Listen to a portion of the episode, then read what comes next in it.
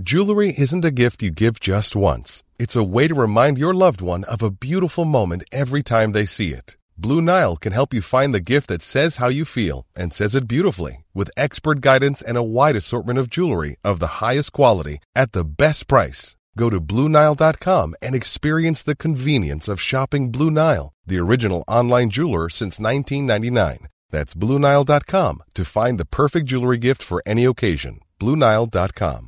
This is Paige, the co-host of Giggly Squad, and I want to tell you about a company that I've been loving, Olive and June. Olive and June gives you everything that you need for a salon quality manicure in one box. And if you break it down, it really comes out to $2 a manicure, which is absolutely insane. It's also so easy to get salon worthy nails at home with Olive and June. The difference between how your nails used to look when you did them yourself and now with the Manny system is a complete game changer. The best thing about Olive and June too is it's a quick dry, dries in about one minute, lasts for five days, and full coverage in up to one to two coats. Visit oliveandjune.com slash perfectmanny20 for 20% off your first system. That's oliveandjune.com slash perfectmanny20 for 20% off your first system.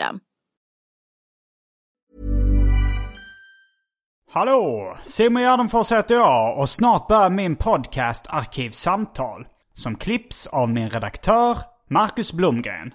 Mycket nöje.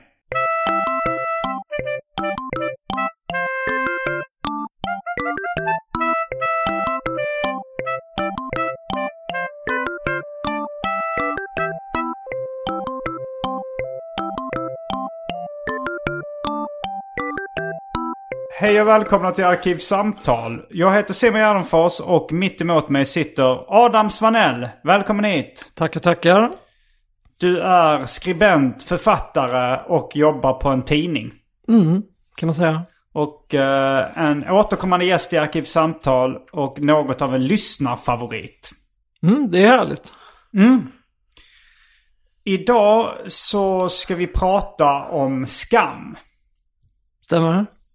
Känslan, inte tv-serien. Skrev du Ja, eh, i ditt meddelande.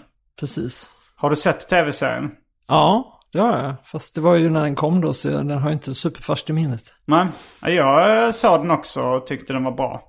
Den handlar inte så jättemycket om skam. Nej, nej, jag undrar varför den heter det. Men jag, det kanske... Det känns ju ändå lite sådär eh, on-brand att det handlar om tonåringar och heter skam. Man känner väl mycket skam när man är i den åldern. Jo, det gjorde man nog mer.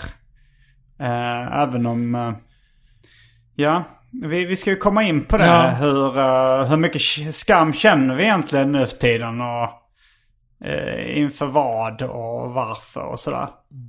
Jag känner lite för en tidig välj drycken.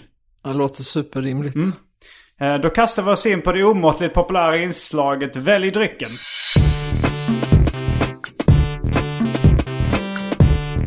Jag tror vi börjar med det fasta inslaget Välj drycken! Och här kommer alternativen. Coca-Cola Energy Zero. Pulverkaffe. Chanukka-must. Det finns även eh, julmust. Det finns båda sorterna. Och hur smakar chanukka-must? Ungefär som julmust. Ah, okej. Ja, det var lite översikt. Tänkte att den skulle ha en orientalisk touch. Ja, Den skulle vara Det- ex- exotisk. Ja, jag tror nog att eh, de har köpt den här licensen till julmust som, uh, Ah, som ja. alla julmustmärken köper. Och sen så är det lite, man kan sockra dem lite olika eller man kan eh, låta dem lagras lite olika länge. Mm. Därav de olika smakerna. Uh, vi har uh, Bacardi rom, det finns gin tonic, Sprite Zero, Fanta Zero. Man kan få en vodka tranbärsjuice. Mer passionsfrukt utan socker. Svarta skäggets hostmedicin och Recipekt hostmedicin. Snapple. Budweiser 3,5. Hawaii Bur- Gay Club. Bullet Bourbon. Häxblandningen, det vill säga alla drycker som fanns i min kyl innan den genomgick en så kallad corporate rebranding. Och för tråkmånsar och nejsägare, vatten. Ja, men jag, idag tror jag slår till på sån där Hawaii Gay Club. Jag är Mm. osäker på om jag har druckit det. Men jag vet att du tog det någon annan gång när jag var här. Det såg gott ut. Ja. Eh, då, eh, då, gör, då tar jag också en Hawaii Gay Club. Så långt lagret räcker. Jag såg att eh, citronjuicen i kylen var... eh, Det var inte jättemycket, men det kanske räcker till två fulla Hawaii Gay Club. Då är vi strax tillbaks med dryckerna kända från det omåttligt populära inslaget Välj drycken. Häng med!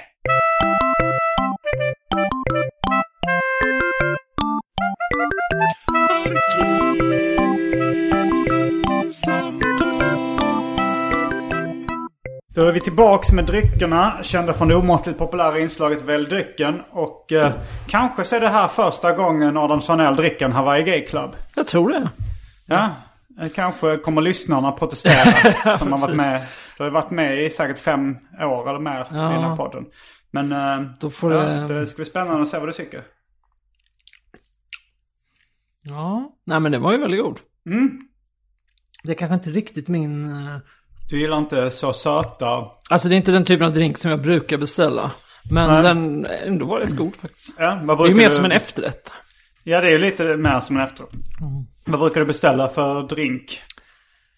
Alltså jag är ingen jättestor så här cocktailperson egentligen. Jag gillar mycket vin och öl. Men alltså jag gillar typ... Eh, ehm, Sex on the beach. med, det här med typ, eh, vad heter det? Orgasm. Nu tappar jag nästan ordet här bara för, som du brukar göra annars här med oliven. Vad säger man? Um, Ja, ja. En, eh, ja, men det en draja.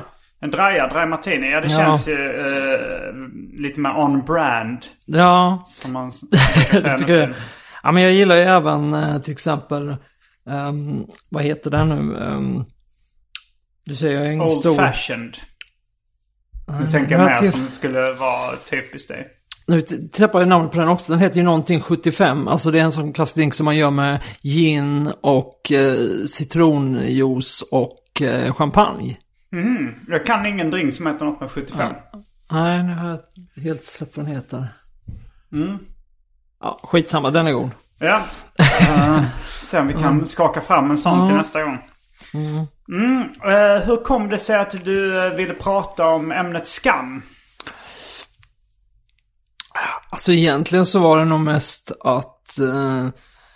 Ja, att jag tänkte skulle inbjuda till att berätta om genanta ögonblick. Skulle säkert bli underhållande. Ja, okej. Ungefär ja. så. Ja, du har, har du några sådana på Alltså lager? inte, inte var ingen särskilt som jag hade åtanke Ah, så. okej, jag bara nej. tänkte nog mer på så, vad inbjud, vilka teman inbjuder till liksom eh, Mm. sådär.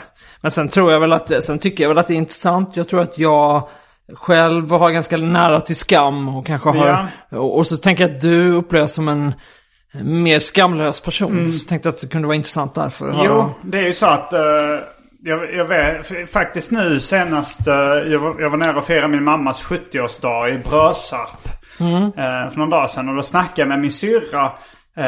och vi kom in på någonting, ett ämne som liksom gällde min fåfänga. Och jag tyckte det var lite pinsamt att prata om. Ja. Och hon sa då så att...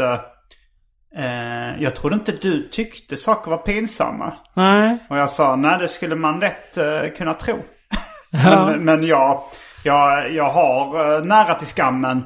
Men jag tror att jag har jobbat väldigt hårt på min image. Så eh, alltså jag har ju, och jag vill kanske framstå som en skamlös person. Ja. Men det är verkligen inte sant. Det, det, jag har ju liksom... Eh, ja, men det mest uttjatade eh, för mig kanske är det här att... Eh, att jag har framställt mig själv som en slacker. Men, men verkligen inte är det utan jobbar ganska hårt. Just det. Eh, men det, är- jag tror det är ganska mycket samma sak med skamlösheten. Eh, att jag har jobbat hårt på att ge ett skamlöst intryck. Men det är, jag är, jag, eh, skäms uh, mer eller mindre hela tiden.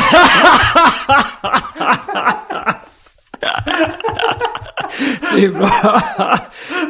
ja, okej. Men är det, an, tror du att det är andra saker som väcker skam hos dig då? Eller? För jag tänker ju på en del saker som du gör. Så tänker jag så det där skulle jag in, kanske inte kunna göra för att jag skulle känna skam, typ. alltså du tänker på vissa låtar med Ja, men typ- skabrösa teman Ja, och men sånt till där. exempel att även om, eh, jag tänker mig att du kanske har, är bättre på så här, om det sitter massa folk på internet och säger så att Mm. du eh, och Anton får folk att, eh, att eh, tycka att det är okej att våldta bebisar. Mm. Att, ni, att du kanske har lättare bara, ja, ja men de är ju dumma i huvudet. Medan jag kanske skulle tycka att det Du var... skulle skämmas lite. Jag skulle tycka att det var mycket jobbigare att föreställa sig vem är inne och läser där och tänk om min uh, morsas kompisar ser det. Eller vad som Ja. är det, att det skulle liksom...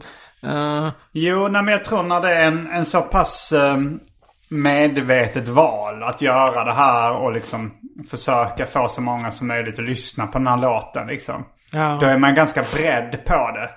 det skam eh, är ju ofta med när man... Eh, det är mer byxorna nere-känslan. Något som sker av misstag bortom ens kontroll. Ifall du själv medvetet säger nu ska jag gå ut på stan med byxorna nere. ja. Vilket... Det tror jag jag berättat om för Killen i Hjärup som uh, hade som gimmick att ha öppen gylf. Och när folk sa uh, du har glömt att stänga gylfen. Ja, jag vet. Liksom han, det var ungefär som att ha häng på brallorna eller en, en lustig hatt för honom. En pièce de conversation. Men, eh, men om man då medvetet går med byxorna nere, om vi nu ska ta den här metaforen Ja. för skam liksom. Då är det ju inte pinsamt. Men om man råkar tappa byxorna, då är det ju pinsamt. Så är det ju med den här låten att med, vi ganska medvetet gjorde en sån provokativ låt. Ja. Och då tyckte jag inte det var så pinsamt när vi blev påkomna med det. Nej. Ja, men det är i och för sig, ja, det kan jag ju förstå. Det, och det är väl sant att det är väl sällan som man... Det är väl en fråga om kontroll liksom. Ja, jo, jo det är det absolut. Ja. Men eh, vad, vad, vad har du förhållande till, för förhållande till skam? Vad, vad känner du mest skam för? Ehm, ja, alltså det beror på vad man menar. eh, men jag tror att det finns väl olika grejer. När jag var barn till Det finns alla exempel. möjliga grejer. det finns alla möjliga grejer. Ehm, men eh, som barn till exempel, eller, eller egentligen fortfarande så till exempel känner jag mycket skam över att jag är klantig. Alltså, Fumlig. Fumlig, precis. Det är liksom... ehm, Om du vält, råkar välta ut någonting och så. Ja, precis. Jag, jag har alltid varit så väldigt fumlig och klantig och aldrig, aldrig liksom... ehm, Jag har inte upplevt dig som fumlig eller klantig. Jag har aldrig sett dig tappa någonting, välta ah, ut någonting. det, är ju, det låter ju skönt att Aldrig höra. ens sett dig spilla. Men vad bra. Nej men jag, det är i alla fall något som alltid har funnits där och som jag alltid liksom så här sida hos mig själv som jag alltid tyckte var jobbig när jag växte upp och så. Ja. Så det är verkligen en sån urscen jag kan tänka typ så här. Eller inte typ, utan exakt så kan jag minnas hur jag till exempel ett år på julafton.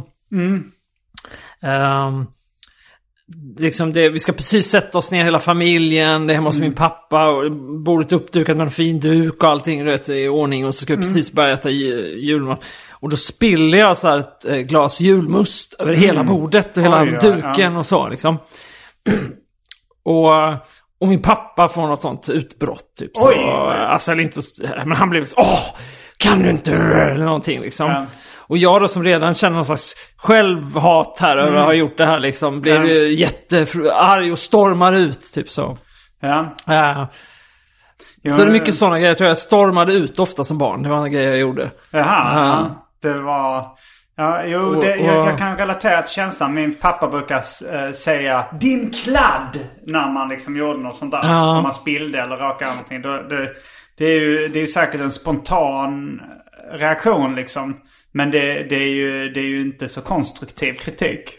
Nej, nej, alltså fortfarande är det så nu om att min, typ, min tjej blir irriterad för att jag gör något sånt där. Så, Mm. så är det liksom inget som får mig på så dåligt humör. Men, För att det är väl just det att man... Eh, jag menar kombinationen av att själv känna sig dålig över något och så förstärker någon annan det liksom. Men, Jo. det, men då handlar det väl om att det är någon sida av sig själv som man inte tycker om eller liksom inte riktigt kan acceptera. s- mycket sånt är det men, men också, jag tror att jag alltid har haft en ganska, att jag har varit lite överkänslig för skuld och skam. Det, jag kommer ihåg eh, David Liljemark någon gång eh, skrev det när han skulle liksom, eh, eh, jag vet inte varför han av någon anledning analyserade mina serier och tog något eh, överblick på dem. Så sa han att eh, han, eller det kan vara att, att han bara citerade någonting jag hade sagt. Att han hade ett komplicerat förhållande till skam. Men jag kommer ihåg när jag var liten att, eh, att det var någonting jag hade gjort. Jag vet inte, det kan ha varit något sånt som att ta en kaka trots att eh, jag inte fick ta en kaka ur skafferiet. En klassisk. Det kan ha varit något sånt. Och min mamma sa, när jag blev påkommen sa hon Fy dig Simon. Fy dig. Och då kommer jag att jag blev så himla himla ledsen att jag fick liksom sånt verkligen en gråtattack liksom och var helt otröstlig. För jag kände det här skuldbeläggandet här, fy dig. Ja. Så att jag grät så länge så att min mamma till slut sa att hon skulle aldrig mer säga fy dig. Och det här snappade min storebrorsa upp. Så när han var arg på mig så sa han fy dig. Men då det kändes inte riktigt lika gärna. Alltså, Nej. det kändes inte, från, från honom så kändes det inte lika hårt. Men det var ändå så här, jag skvallrade ändå till mamma så ah, mamma Dan sa fy dig. Men jag, kom, jag kan fortfarande känna känslan av eh, det här fy dig. Att det, Ja, att ja. det tog, tar, tog väldigt, väldigt hårt. Och jag, jag är fortfarande väldigt, eh, väldigt känslig för att göra eh, folk besvikna. Alltså, speciellt min flickvän sådär. Liksom, det kan vara någonting litet som att så här, hon säger så här. men jag ska gå ner och köpa frukost så, liksom, så ska jag köpa en avokado. Och så när man liksom känner på den att antingen är den liksom rutten eller för Ja. hård. Det är svårt att träffa exakt rätt. Men jag känner det här liksom nästan uh, överdriven rädsla för göra, för göra henne besviken. Att jag kan stå där och bara få svettningar Ja. liksom. Och då är det inte så att hon blir jättearg eller så här, men och det, det, hon kan bara säga så här, "Ah, nej, nej, nej, går inte att äta liksom. Den är Nej, för nej. hård eller liksom. Nej men jag, det, kan jag, det känner jag jättemycket. Det har jag väldigt sagt. Jag tycker det är oerhört jobbigt att säga nej. Eller liksom, eller att liksom göra folk sådär, ja men just besvikna. Eller när de har någon typ av, eh, jag vet, tänk, minns när jag typ, eh, när jag dejtade så att det var någon tjej jag hade träffat några gånger. Det var inte så att vi liksom, det var jätteallvarligt och så. Och sen så började det väl rinna ut i sanden lite och sådär. Ja. Så sa vi så här, ska vi ses och ta en promenad typ eller något. Och då är det helt uppenbart att det var för att typ göra slut. Eller så att man ska säga att vi inte ska ses mer. Att hon skrev det eller du Nej skrev men det? jag skrev nog det. Alltså, ja du skrev, Ja. ska vi ses och ta en promenad? och då Ja, ja hade du precis. tänkt göra ja, slut. Ja. ja, eller göra slut. Eller men, så, säger, men så minns jag att vi satt där, att jag tyckte det var så jobbigt Ja. att säga det här. Ja men jag vet inte om vi ska träffas mer. Fast det var helt uppenbart att det var det som skulle hända liksom. Mm, Så vi bara satt och pratade om annat. Det är en timme kanske. Innan hon sa till slut. Alltså. Vi kanske inte ska ses mer. Och då var jag såhär, nej, nej. Vet, så här, eh, Lite för snabbt. ja, men vet, så här, det är någonting i det där just att så... eh, Jo men det, det, det absolut har jag ju känt det också. Det, det var liksom till och med den första gången eh, jag kände så. Alltså så då var det, då var det en tjej som jag, jag hade varit liksom intresse, intresserad av liksom nästan lite så här avståndskär i. Och sen så hade vi så här eh, hånglat någon gång i stadsparken. Eh, och sen kände jag att ja, det här det är nog ingenting jag vill ta vidare. Jag vill nog inte bli ihop med henne. Men, men vi hade liksom bytt telefonnummer och kanske ringt varandra någon gång. Jag kommer inte ihåg. Men, men då kommer jag ihåg att jag, jag tänkte, vad ska jag, jag, jag tog upp det med min kompis sen. Vad, vad ska jag säga? Ja. Så han, ja men bara eh, säg som det är att du inte känner. Nej det kan jag inte göra. Jag kan, jag kan inte det. Jag Nej. klarar inte av det. Och, han, och då sa han det, ja men gift dig med henne då. och det, och det, det är det minnet som se- senare har gjort en låt som heter Jag gifte mig med henne för det verkade jobbigt att göra slut. Eh, och det handlar om det för att och det har jag hört liksom folk kan relatera till också. Eh, att, Ja. eh, men för det, det hatar jag verkligen. Alltså jag hatar kanske ännu mer att bli dumpad. Men, eh, men de är ju där uppe i topp två jobbigaste sakerna eh, man kan vara med. Men jag, de får, eller de, jag har kanske gjort slut hälften av gånger jag varit i ett förhållande om man lite, lite generöst räknat. Men eh, det har ju varit väldigt jobbigt. Jag, jag, en gång fick jag så titta på ett så Seinfeld-klipp där George snackar om hur jobbigt det är att göra slut för att peppa mig själv. Där han eh, jämförde med att fly från fängelset. Att det känns så här. eh, och, ja, det är en väldigt rolig, eh, ett roligt klipp. Det kan jag rekommendera att kolla på, eh, på YouTube. Just det. Men då är vi kanske ändå mer på skuld än på skam väl? Ja, men de ligger väl uh, rätt nära varandra. Absolut. Skuld och skam går uh, hand i hand. Det är, det är som vin och sprit. Ja, jo precis. Och vad finns det mer? Sex och samlevnad. Spel och dobbel. Skuld och skam. Men skuld är ju lite finare liksom. Är det finare? Bättre. Skuldkänslor är finare än skamkänslor. Ja, ja. Ja, det, Det är ju mer det nog. konstruktivt. Är, alltså- är det, eh, ja. Ja men skuld har man ju för att, eh, liksom, ofta för att man har gjort något särskilt liksom. Eh, Ja. Och, och eh, man kan ju också, i bästa fall så om man har skuldkänslor kanske man så här säger förlåt eller gör annorlunda nästa gång och så. Ja. Skam känns lite mer självupptaget. Det är mer bara så här, usch, eh, jag är sämst typ. Eller jag, eller Jo, man bara liksom, det Som känns... jag skäms väldigt mycket för min fåfänga. Och det är ju Ja. också, det är, bara, det är bara egentligen som du poängterar nu. Att det är en förlängning av fåfängan. Att man är väldigt självupptagen. Att man Ja. tänker att folk bryr sig så mycket om eh, hur jag... eh, att jag är fåfäng. Så att jag känner skam inför det. det. Men, eh, men jag har...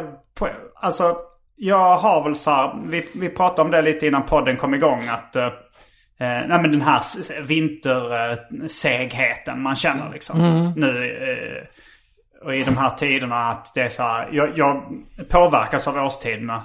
Kanske har en släng av det som kallas SAD. Seasonal Anxiety Disorder. Eller, nej, men jag, eller, eller är det bara att alla blir lite... Men jag kommer ihåg att tidigare i livet, alltså låt oss säga tio år sedan eller något sånt så var det värre. Då, då, då kunde jag inte åka utomlands när, uh, och få liksom den typen av ljusterapi på vintrarna. Uh, och då kom jag ihåg att jag fick skamsköljningar. Uh, jag tror det var mest liksom på vinterhalvåret eftersom jag liksom mådde som sämst psykiskt då. Men sådana här att man bara kommer att tänka på någonting man sagt eller gjort. Mm. På den tiden var det ofta att jag tänkte så här, att jag liksom kom ihåg någonting jag hade skrytit över på ett väldigt osmickrande sätt. Alltså så här, alltså, alltså att jag har liksom, och så, och så bara kom jag tänka på det och så liksom, uh, för en sån sköljer skammen över mig. Och så liksom blundar jag hårt och bara så uh, Och så är det Ja. nästan som en tick då liksom. att, du vet man så uh, att, För det, det kunde komma lite då och då. Ja, ja. Till slut blev det nästan som en sån, ett så fysiskt tick att det ryckte till i kroppen Oj. liksom. Och, eh, och, att, och när det var som värst så var det verkligen så att jag visualiserade att jag sköt mig själv i huvudet. Oj, Jag bara så, uh, liksom den, eh, oj. så starkt. Du, du verkar chockad över Ja, hur, lite. hur eh, mycket skam jag kände och, och det kunde vara liksom, det, det kunde vara för ganska små saker. Ja. Har du läst ehm, Too Fast For Love av Jonas Inde illustrerad av Martin Kellerman? Nej. Där berättar han om eh, ungefär samma tick. Alltså Jonas Inde fick väl värre psykiska problem än de här skamsköljningarna Ja. senare. Men när den boken skrevs så hade, var, eh, var det nog bara liksom en försmak av vad som skulle komma senare. Men då berättar han exakt om de här skamsköljningarna. Och då, och jag tror Kellerman skildrar det också i någon Rocky-strip. Att han liksom säger så här, han skriker 'fucker' Liksom han, han, och jag menar att det är eh, riktat eh, mot honom själv då. Liksom. Jag, jag, har ju, jag har ju bara läst det här i serieform och läst det i hans roman. Att han sa fucker! Liksom. Att det, det blir som en sån tick. Eller en Tourettes-grej liksom. Så jag satte lite hals. Mm. Jag får klippa bort det. Um. Ja, ja, okej. Ja, det, jag vet inte om jag kan relatera helt till... Nej, nej till, jag till- kanske... Jag, ibland, det är ju ofta så när man berättar om eh, sådana här lite privata eller personliga grejer. Att det är ofta många som kan relatera till det, men långt ifrån alla. Nej, men ja. ja men, men är det ofta så typ så här klassisk bakisskam du känner då? Ofta när du har varit Jo, full? men det kunde typ. även vara i, nykter, i nyktra sammanhang. Eh, Alltså bakisångest är ju rätt mycket så att det förstärker ju den typen av känslor. Ja. Men eh, jag kunde även göra det.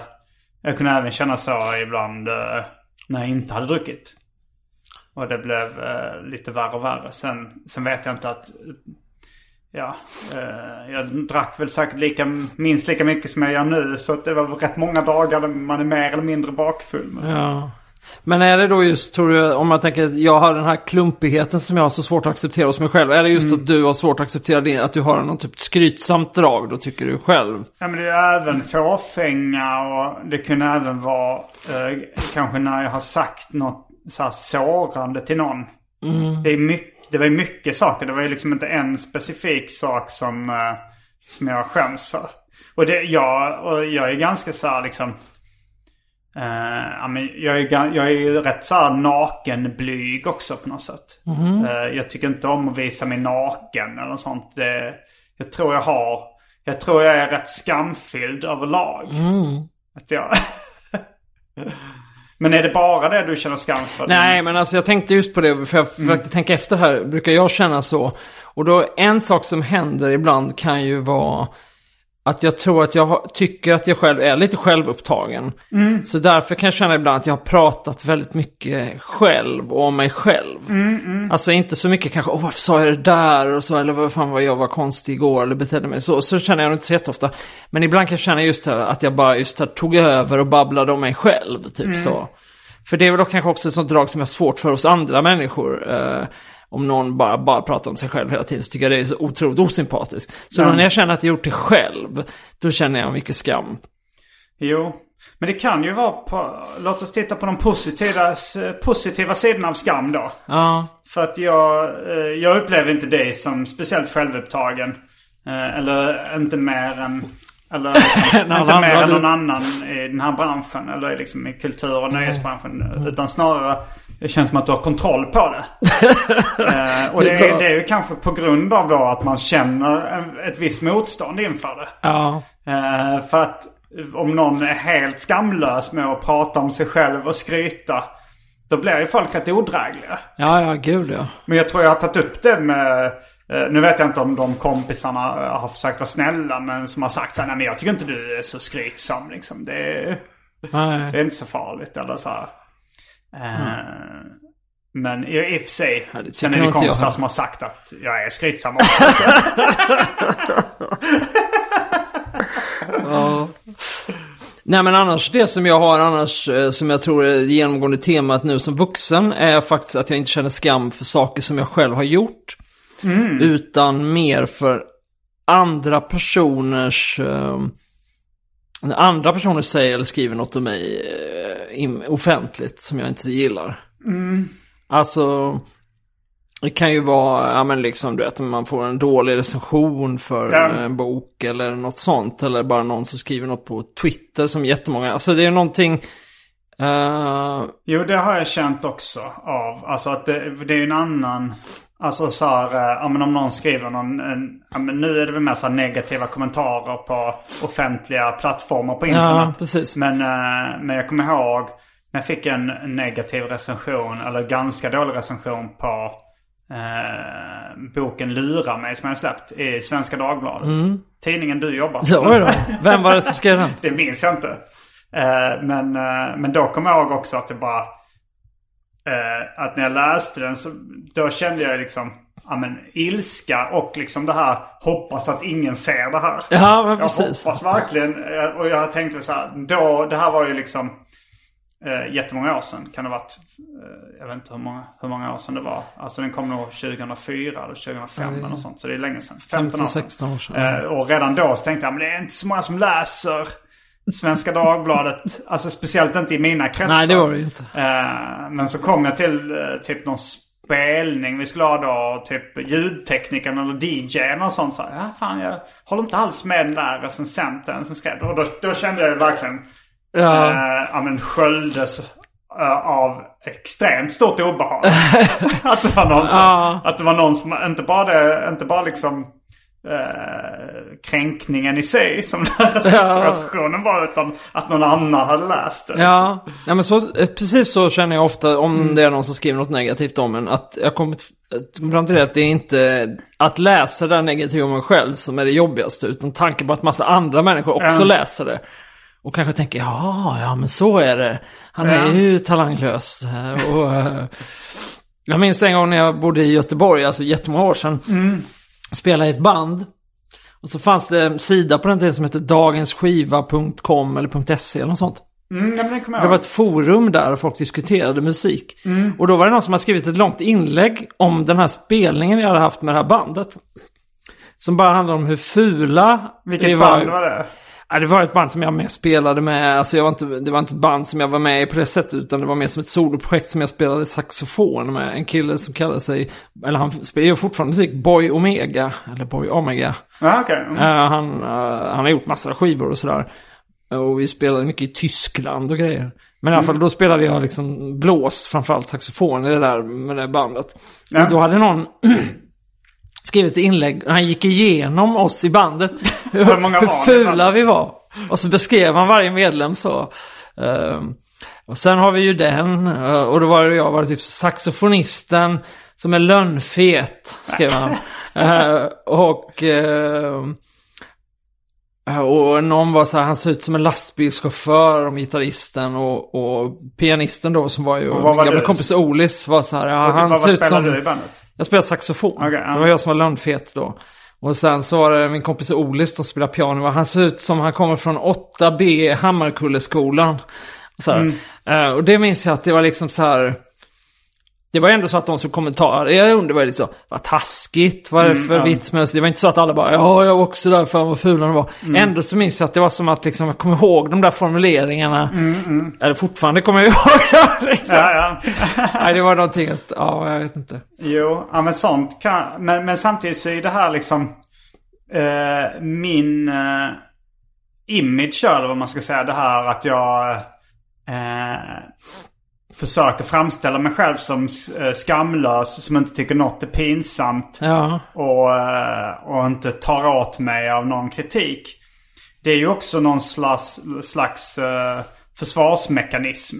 Nu låter det som uh, kliché, klichéer inom populärpsykologi ja, här. ja, men det kan vi väl unna oss. Ja, nej men, eh, men jag tror det är det för att liksom ifall jag då ger intrycket av att inte tycka något är pinsamt. Eller tar åt mig av någon kritik eller liksom eh, att jag framle- upplevs som totalt skamlös. Då känner jag att då har jag mer skydd. För att då, då tycker folk inte det är lönt att försöka gnugga in saker på mig eller liksom retas eller försöka provocera mig eller liksom hoppa på mig för de här grejerna. För de tänker det är inte lönt. Han är Nej. totalt skamlös. Han bryr sig inte om våra kommentarer. Ja, och så, om man ger det intrycket till omvärlden också. Äh, det där rinner av mig som vattnet på Just en gås.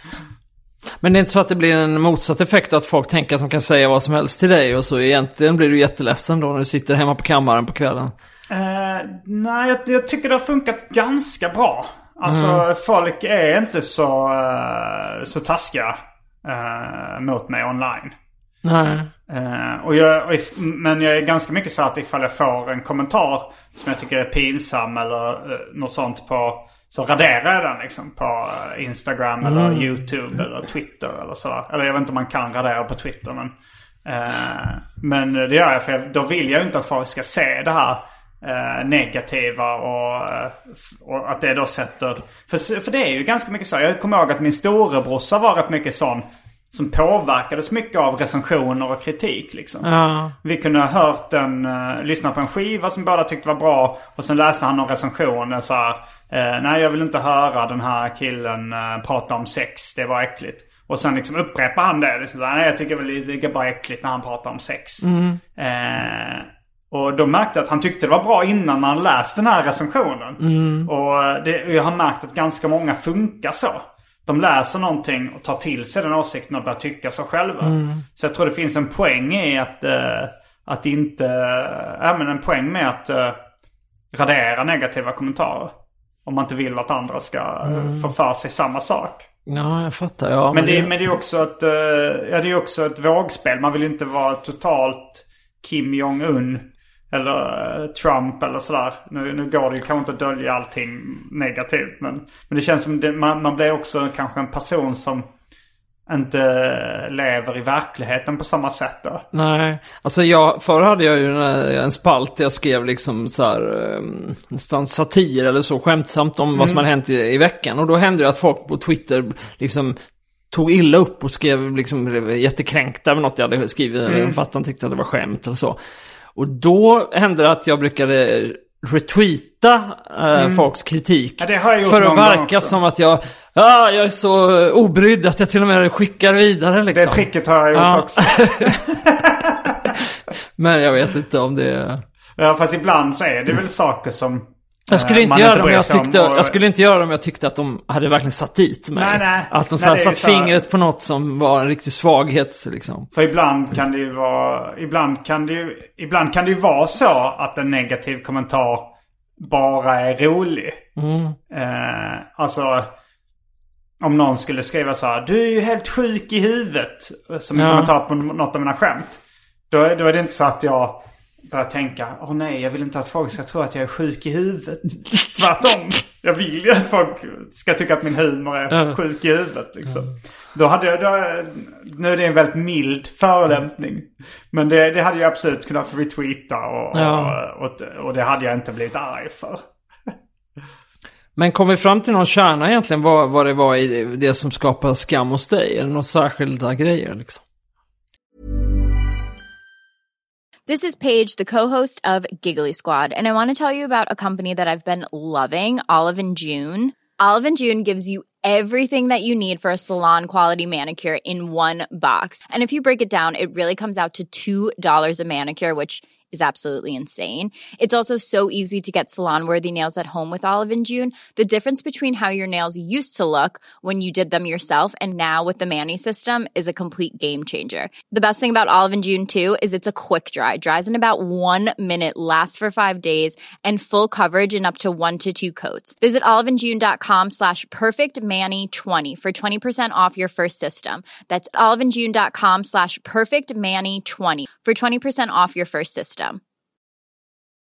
Cool fact a crocodile can't stick out its tongue. Also, you can get health insurance for a month or just under a year in some states. United Healthcare short term insurance plans, underwritten by Golden Rule Insurance Company, offer flexible, budget friendly coverage for you. Learn more at uh1.com. Quality sleep is essential. That's why the Sleep Number Smart Bed is designed for your ever evolving sleep needs. Need a bed that's firmer or softer on either side? Helps you sleep at a comfortable temperature? Sleep Number Smart Beds let you individualize your comfort so you sleep better together. JD Power ranks Sleep Number number 1 in customer satisfaction with mattresses purchased in-store. And now, save 50% on the Sleep Number limited edition Smart Bed for a limited time. For JD Power 2023 award information, visit jdpower.com/awards. Only at a Sleep Number store or sleepnumber.com.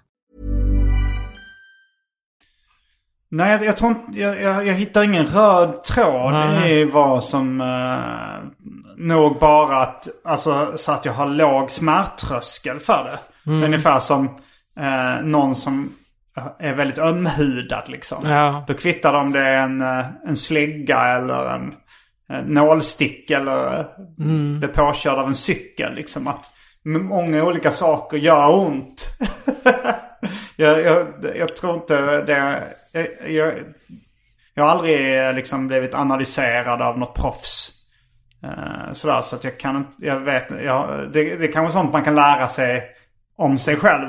Om man skulle gå i terapi. Har du aldrig gått i terapi? Nej, har du det? Ja, Ja det har du. Flera ja. gånger. Vad sa? Två gånger? flera gånger. Eller jag har gått åtminstone tre olika. Mm. Är det sånt man får lära sig då? Man får hitta röda trådar i sånt som framkallar skuld och skam. Ja, alltså jag ju mest gått i sån här KBT och det är ju ganska Mm. lösningsinriktat. eh, eh, Så det kanske inte är något syfte, men det brukar ofta vara mer snarare som en konsekvens. Att man får syn på så här olika tankemönster som man har eller Ja. så. Så att det kanske kommer, kan komma, men det är inte något som man kanske aktivt jobbar med. Nej men Man- jag skulle säga, eh, ja, men fåfänga. Eh, att göra folk besvikna. Eh, vad var det mer jag tog upp innan? Att, ja, men att, att, jag, att jag skryter. Eh, det, det är de jag kommer på spontant. Och att vara naken. Helt naken då. Bara överkropp och sånt tror jag. Men eh, jag, jag får skam ifall jag liksom råkar eh, visa kuken för någon eller sådär. Alltså typ om, om vi låter säga nu att jag har öppet fönster Ja. och jag går ut efter duschen och jag säger oj jag har inte dragit för persiennerna. Mina grannar har sett mig naken. Ja. Det tycker jag är pinsamt. Ja, men det skulle jag också tycka var pinsamt, men inte för att...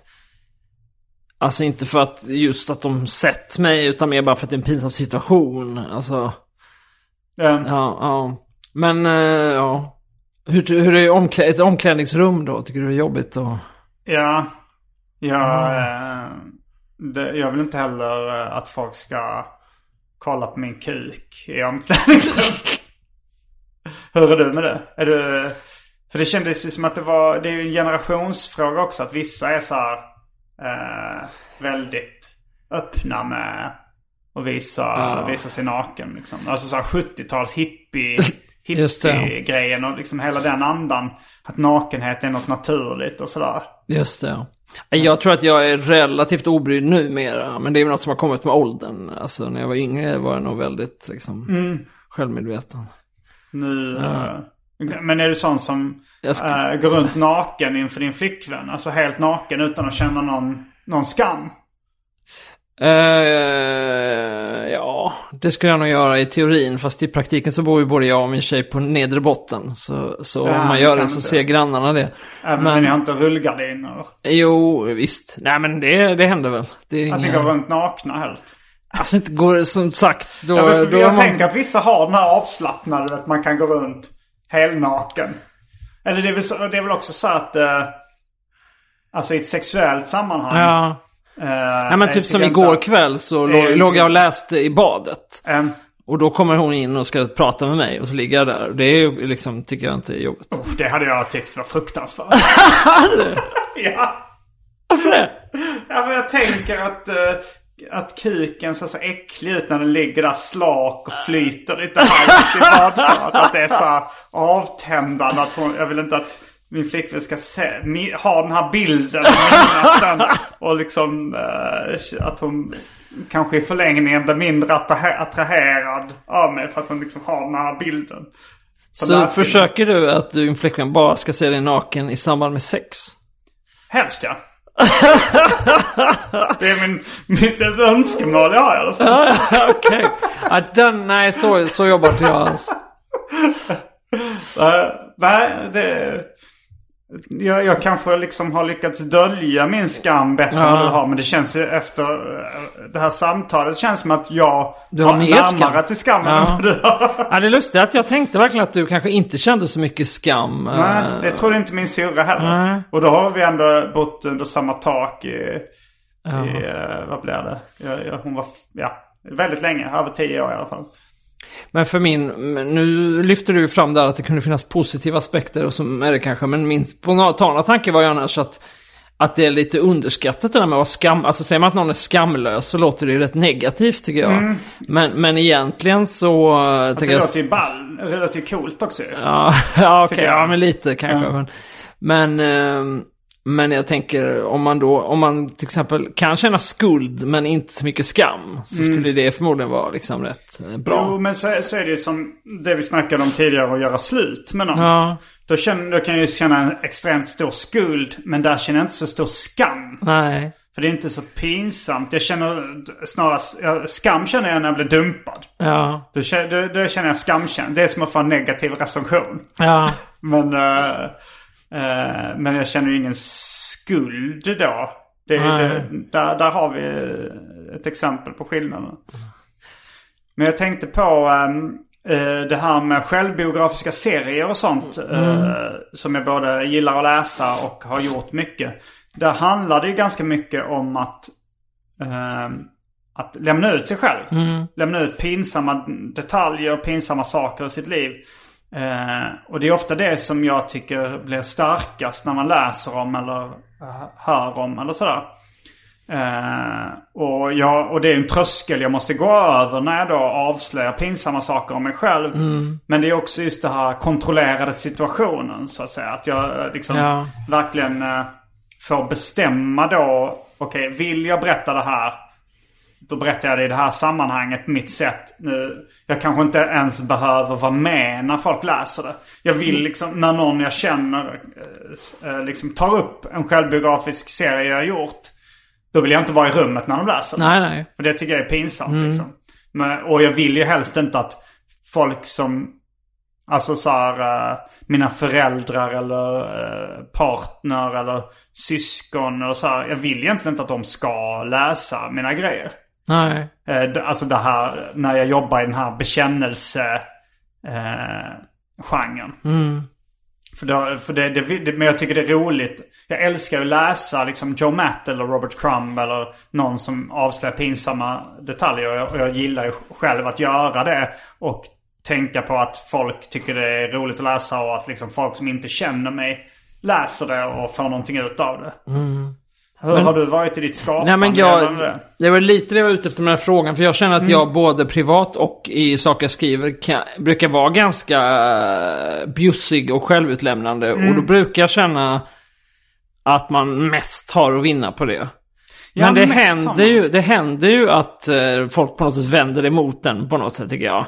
eh, att man Mm, berättar saker om sig själv som plötsligt någon sen gör sig rolig över eller något sånt. Ja. Eller, eller att... Jo, det är eh, väl lite som så här. eh, det är okej om jag gör mig rolig över det här. Ja. Pinsamma för mig. Men det är inte okej om du gör det. Ja. Det är kanske lite som n-ordet eller sådär i raplåtar. Ja, men lite så. Alltså, apropå det här med recensioner så eh, fick jag en recension av min eh, bok, den här senaste boken då som handlar om utbrändhet, anonyma prestationister. Så fick jag en, en recension av Linda Skugge i Aftonbladet. Ja. Och, och det var egentligen en väldigt positiv recension, eller så, själva för boken. Det var till och med så att vi kommer citera den nu på pocketutgåvan sådär. eh. Men, och, det var liksom, andan var typ att hon gillade boken men ogillade mig. Ungefär.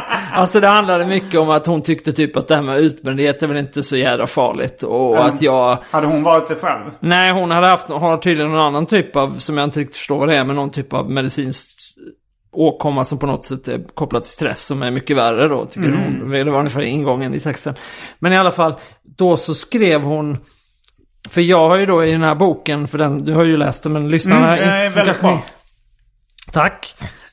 Men för lyssnarna som Och inte... jag gillar det också som person.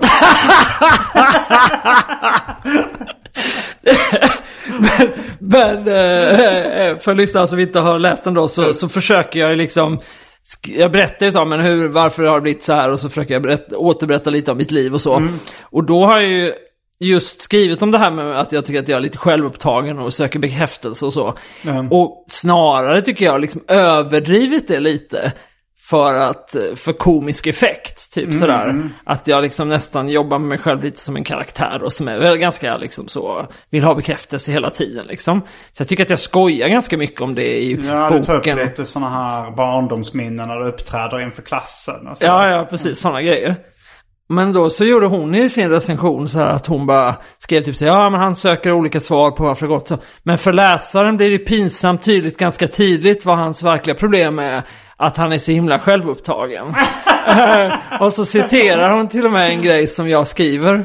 Eh, eh, på ett ställe i boken så, så skriver jag någonting om att jag har fått prata med så många olika psykologer och berätta samma sak. Så skriver jag så här. Det är tur att Adam Svanell är ett av mina favoritsamtalsämnen. Ja. Och då skriver han, så skriver han gravallvarligt. och så kommenterar hon blä. Typ, för att jag, så. Så det var ett sånt tydligt exempel på för mig så hur någon kunde ta min självironi Ja. och förvränga den och använda den för, att- för att Men liksom antingen håna så mig. spelar hon ju korkad eller så är hon ju dum i huvudet. Ja, Alltså, jag vet man- faktiskt nej, inte om det, det verkar ju konstigt att man inte uppfattar, alltså man måste vara båda. oerhört eh, dålig på att läsa om man inte uppfattar de nyanserna. Ja, men, verkligen. Alltså, men men- det kan ju också vara så att det är bara att hon har börjat läsa och fått den tanken, oh han är självupptagen. Och sen har hon insett efterhand att jag också är medveten om det, men då har hon redan bestämt sig för att hon vill bygga upp sin text så. Eller, Nej, jag, vet, jag har ingen aning. Men det är ju lite där, finns alltid den faran när man liksom... eh, Jo, absolut. Och... ehm, eh, jo, men... Ibland så är det ju så att eh, folk eh, använder det emot, emot mig liksom. Eller så här, när jag har, när jag har sagt något pinsamt. Men jag, jag, jag gjorde en skiva som hette Att leva med skammen. Just det. Och då var det var egentligen alltså titeln kom till egentligen när Då var det bara eh, jag och vår gemensamma kompis eh, Stina Lövgren som hade varit och handlat. Eh, eller vi skulle hem till henne och, hon köpte liksom en stor bal toalettpapper. Och så, eh, så kunde inte, gick den inte ner i hennes påse. Så hon, kan du bära den? Så då fick jag liksom bära en stor bal to- toalettpapper offentligt. Och då sa jag väl på skoj så här, ja jag får, jag får väl helt enkelt leva med skammen. Ja. Och då så sa hon att eh, det, det borde du kalla din skiva för. då, hade- då hade jag diskuterat så här, "Ah, jag ska släppa en soloskiva nu. Jag vet inte riktigt vad jag ska kalla den för. Så tyckte jag det är en rätt bra titel. och, och sen också att, eh, att jag kände att på den skivan så var det så här lite självutlämnande texter här och där. Som var rätt pinsamma att släppa. Men jag kände att det är ändå värt det. Jag väljer liksom att leva med skammen. Man kan ju, man kan ju undvika att, eh, att bjuda på sig själv eller lämna ut sig själv. Eller så kan man göra det och leva med skammen. Men jag gillar det exemplet med att köpa to- väldigt mycket toapapper. För det är ju sånt som man känner typ lite skam på riktigt. Ja, Att gå, alltså så här, gå med en stor bal toalettpapper Ja. offentligt. Det är ju lite pinsamt. Ja. Det är ju en sån klassisk grej. Det är så här liksom. Eh, ja, jo men det är för att inte tala om att man har varit på toaletten och att det luktar äckligt. Ja. Det är fruktansvärda skamkänslor ska jag Ja. känna om ifall eh, exempelvis min flickvän går in på toaletten när det luktar bajs där. Ja. Det, är, det är naturligt och det är som så här, men äh, jävlar vad jag skäms för det. Ja. Jag hade faktiskt en upplevelse igår om, eh, apropå det här med toapappret. Som var så att jag eh, gick och handlade. Eh, och så hade jag med mig en så här tygpåse då. eh, som jag skulle lägga ner eh, matvarorna i. Men jag köpte så mycket så allt fick inte plats. Så då tog jag liksom, la ner alla grejer utom hushållspappret som jag hade köpt och så tog jag det under armen. Och sen efter jag hade handlat, då skulle jag gå in på bageriet som ligger där vid mig. Och, eh, och köpa bröd. Det, Men då är det lite så, det bageriet, så är det som att de som, jag är där ganska ofta, så de som jobbar där, de är lite så, nej men hej hej liksom. Och dessutom är de typ så här, jag vet inte, det är väl något med, med, med typ så här, tjejer i 25-årsåldern. Jag kanske inte hade brytt mig om det var så en gammal farbror som var 80 år eller något. Men så, då kom jag på mig själv, tyckte det var pinsamt att gå med den där hushållsrullen. för att de Så trodde det var tänkte jag att de kommer tro att det är toapapper. Så slutade med att jag packade om. Jag packade om påsen så jag fick ner toapappret och tog några andra grejer i armen. Bara för att slippa bli sedd med det här hushållspappret. Det är roligt eh, att de kanske tror att det är toalettpapper. Så det. Det är ju mer pinsamt att inte använda toalettpapper. Det är sant. Eller, eller att de kanske tror att han torkar sig med hushållspapper i röven. Precis. Men det, det, det kommer på en annan grej som jag skäms eh, Ja. väldigt mycket över också. Det är hur dålig vegan jag är. Nej men jag skäms över att jag äter kött ibland. Eh, Jag, jag, för jag tycker, det, jag tycker det är moraliskt fel att göra det. Men jag gör det ändå. Liksom, jag bryter mot min egen moral. Men jag skäms över det. Eh, när jag gör det. Jag kommer ihåg en gång eh, eh, jag var på eh, eh, ja, men Hemköp. Och så hade jag då liksom lagt ner, hade jag med en varukorg och så gick jag bland färdigrätterna. Så var det så här, kolla in lite liksom. Ja men, och då var det ju så också, jag väljer ju då um, färdigrätter som är under en viss kalorimängd. Det, den delen av fåfängan har jag liksom jobbat, alltså innan att jag försöker hålla vikten och sånt. Det är någonting jag skämts för väldigt mycket. Det har jag, det, det, det har jag liksom försökt hålla hemligt under en stor del av mitt liv. Tills liksom det, jag kände att men det är ohållbart. Jag måste börja prata öppet om att jag bantar och försöker hålla vikten och sådär. För det, försö- det nekade jag till, till en början.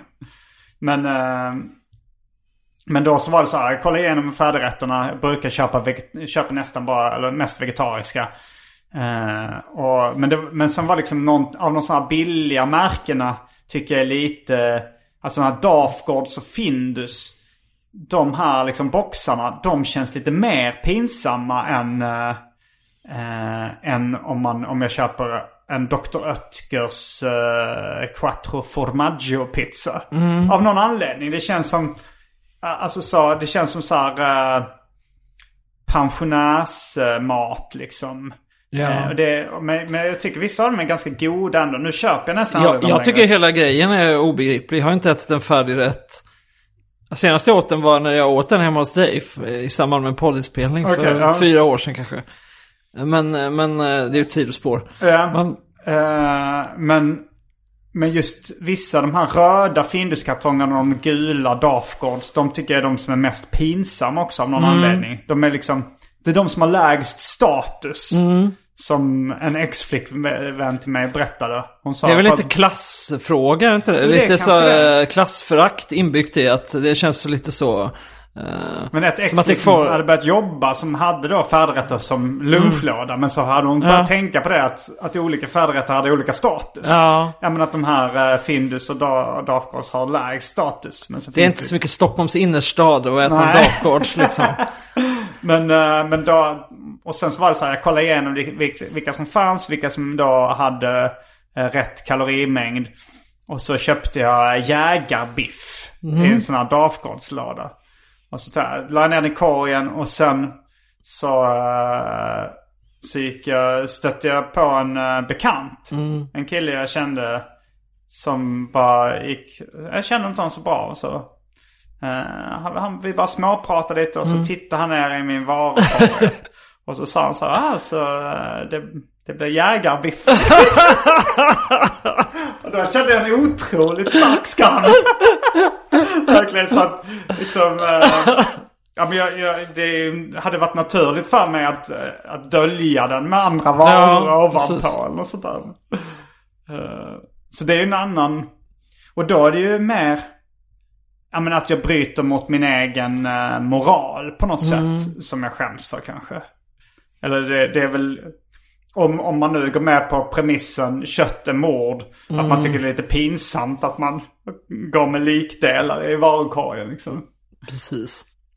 Men... eh, mm, vi bör den här eh, vanliga delen av det här samtalet eh, har vi cirka fem minuter kvar på. Eh, sen så um, har jag börjat med en... Jag vet inte om det kan räknas som en ny grej. Jag har börjat med det på senare tid i alla fall. Att eh, efter det vanliga poddavsnittet är klart så spelar vi in ett litet bonusavsnitt. Som är exklusivt för uh, Patreons. Om man donerar en valfri summa per avsnitt så får man tillgång till eh, massor av eh, exklusiva avsnitt. Ska vi ta de allra mest skamfyllda anekdoterna då. Ja, det, alltså det, man kan ju gå lite hårdare på grooven då. Eftersom det, det är bara 260 pass eller någonting som, som får höra det. Ja, ja, ja. Så då, då är det bara som... Som en, en vanlig fest. Ja, vanliga fester har ju oftast inte 260 pers. Eh, Jag, jag, jag ska bara tänka en, en lokal som tar eh, eh, 260 pers om man kör stand-up eller något sånt där. Eh, Jag har inget bra exempel där heller. Om man, eh, det, det finns inga, inga medelstora lokaler i Stockholm eller i världen. Nej. Men ska vi ägna de här sista minuterna åt uttrycket eh, nu går skam på torra land? Det kan vi göra. Eh, Jag har inget att säga om det.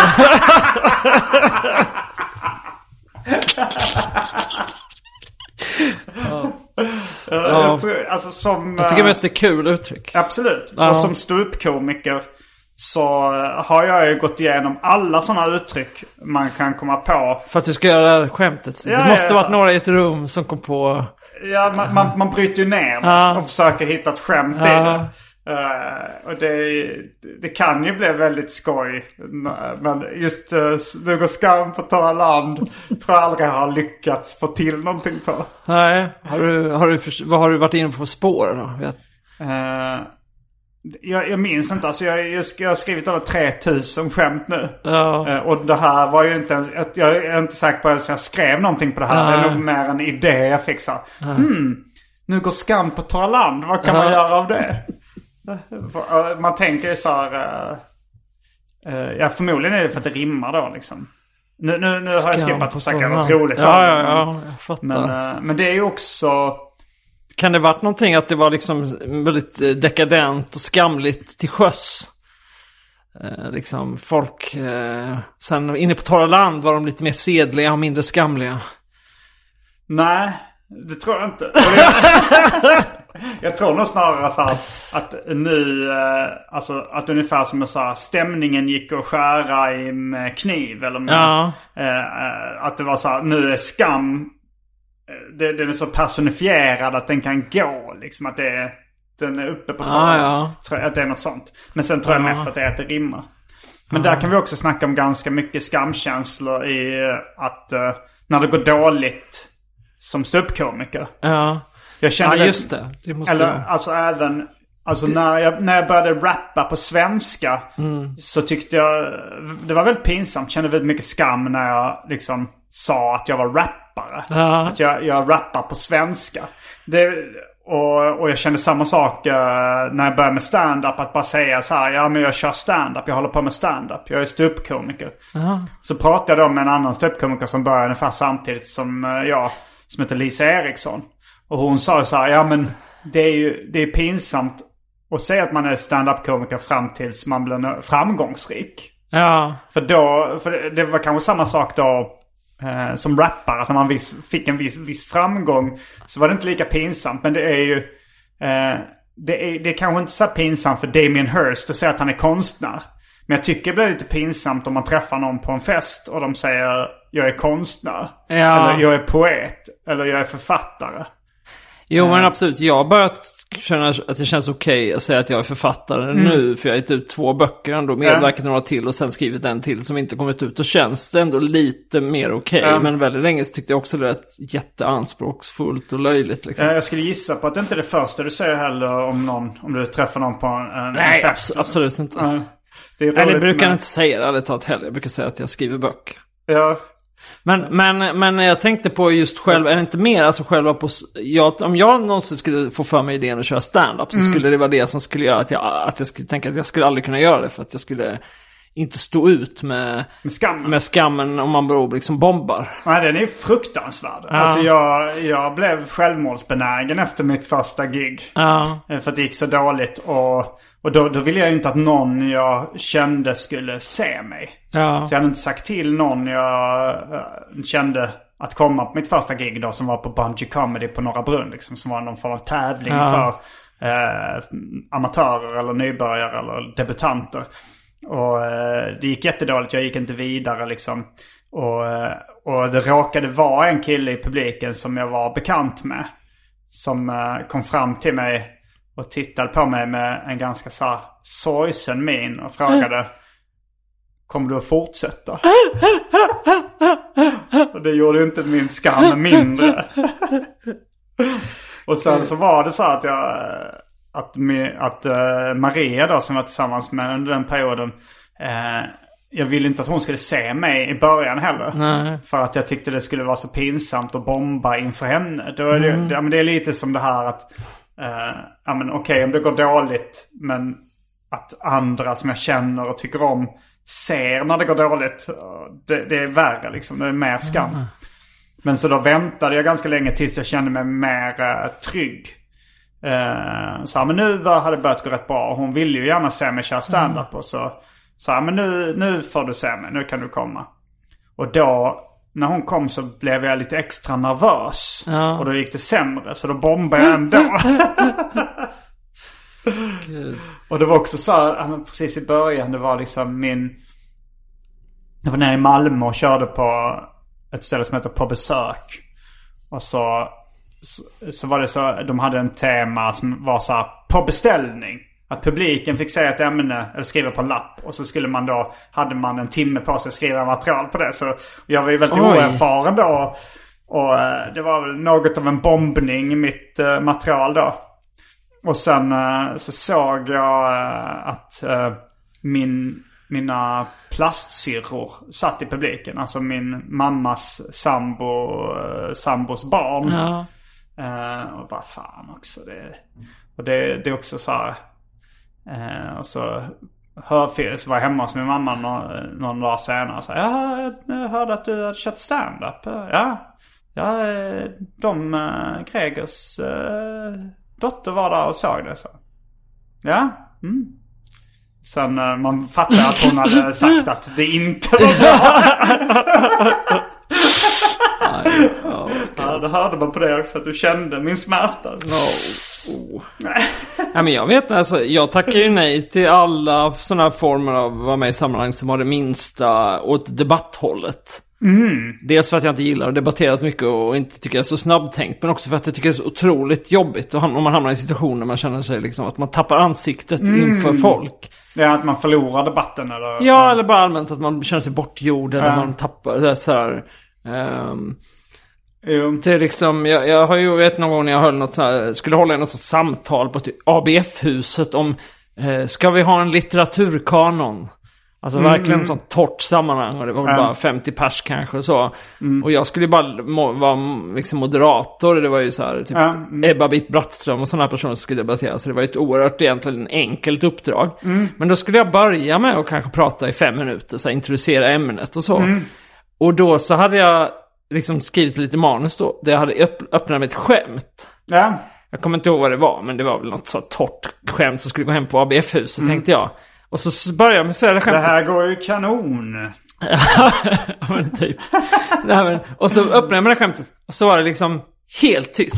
Inte, inte ens enda så här, rätt så här. Ja, Och- det, det är ja. ju med om allt hela tiden som ståuppkomiker. Men, men jag tyckte att det var så jobbigt så det var som att under de här minuterna jag hörde det här inledande anförandet så började bara svetten bara forsa ner för hela pannan Ja. och hela ansiktet och allting för att jag jag ville bara liksom fly, det var så, eh, för man du vet när man, när man står och pratar så här så känner man ju av hela tiden hur, eh, även det är väl liksom stand-up fast light när man pratar, ut och pratar, man känner av eh, hur reagerar folk och så. Men liksom inleder då känslan av att ingen reagerar alls, alla hatar en. Då, var det som att det var liksom en outhärdlig situation. För m- säkert var det ju många som inte förstod att du skämtade. Eller, Ja, jag tror det. Eller att de Ja. inte uppfattade ja, eller att bara att de inte tyckte det var kul. Ja. Ja. Men jo, men det, det, det kan ju vara den här sjunka genom jorden-känslan. Ja. Eller så här, att man får en skruvad, bara att allt bara nästan snurra omkring en när, när man känner.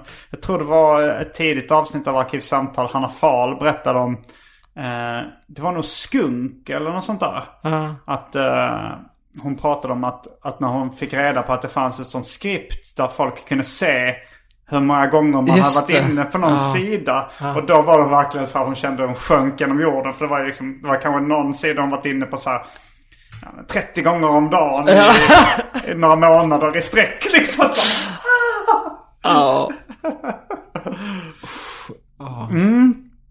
Och med den känslan så säger vi hej då till uh, gratissakarna.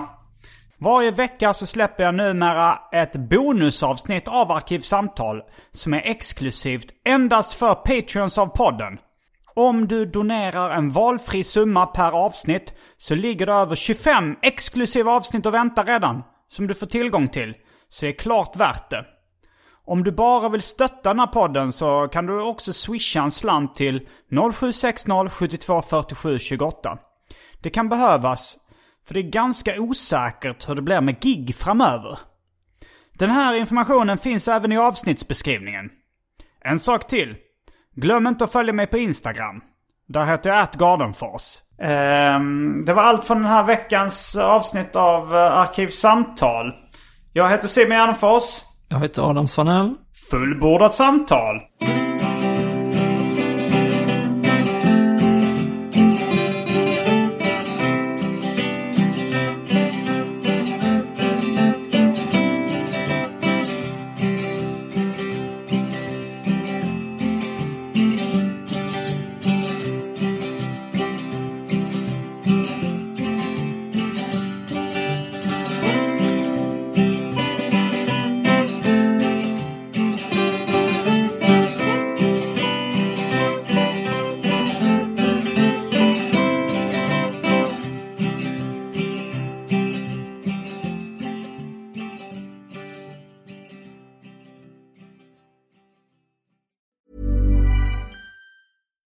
It's Paige DeSorbo from Giggly Squad. High quality fashion without the price tag. Say hello to Quince.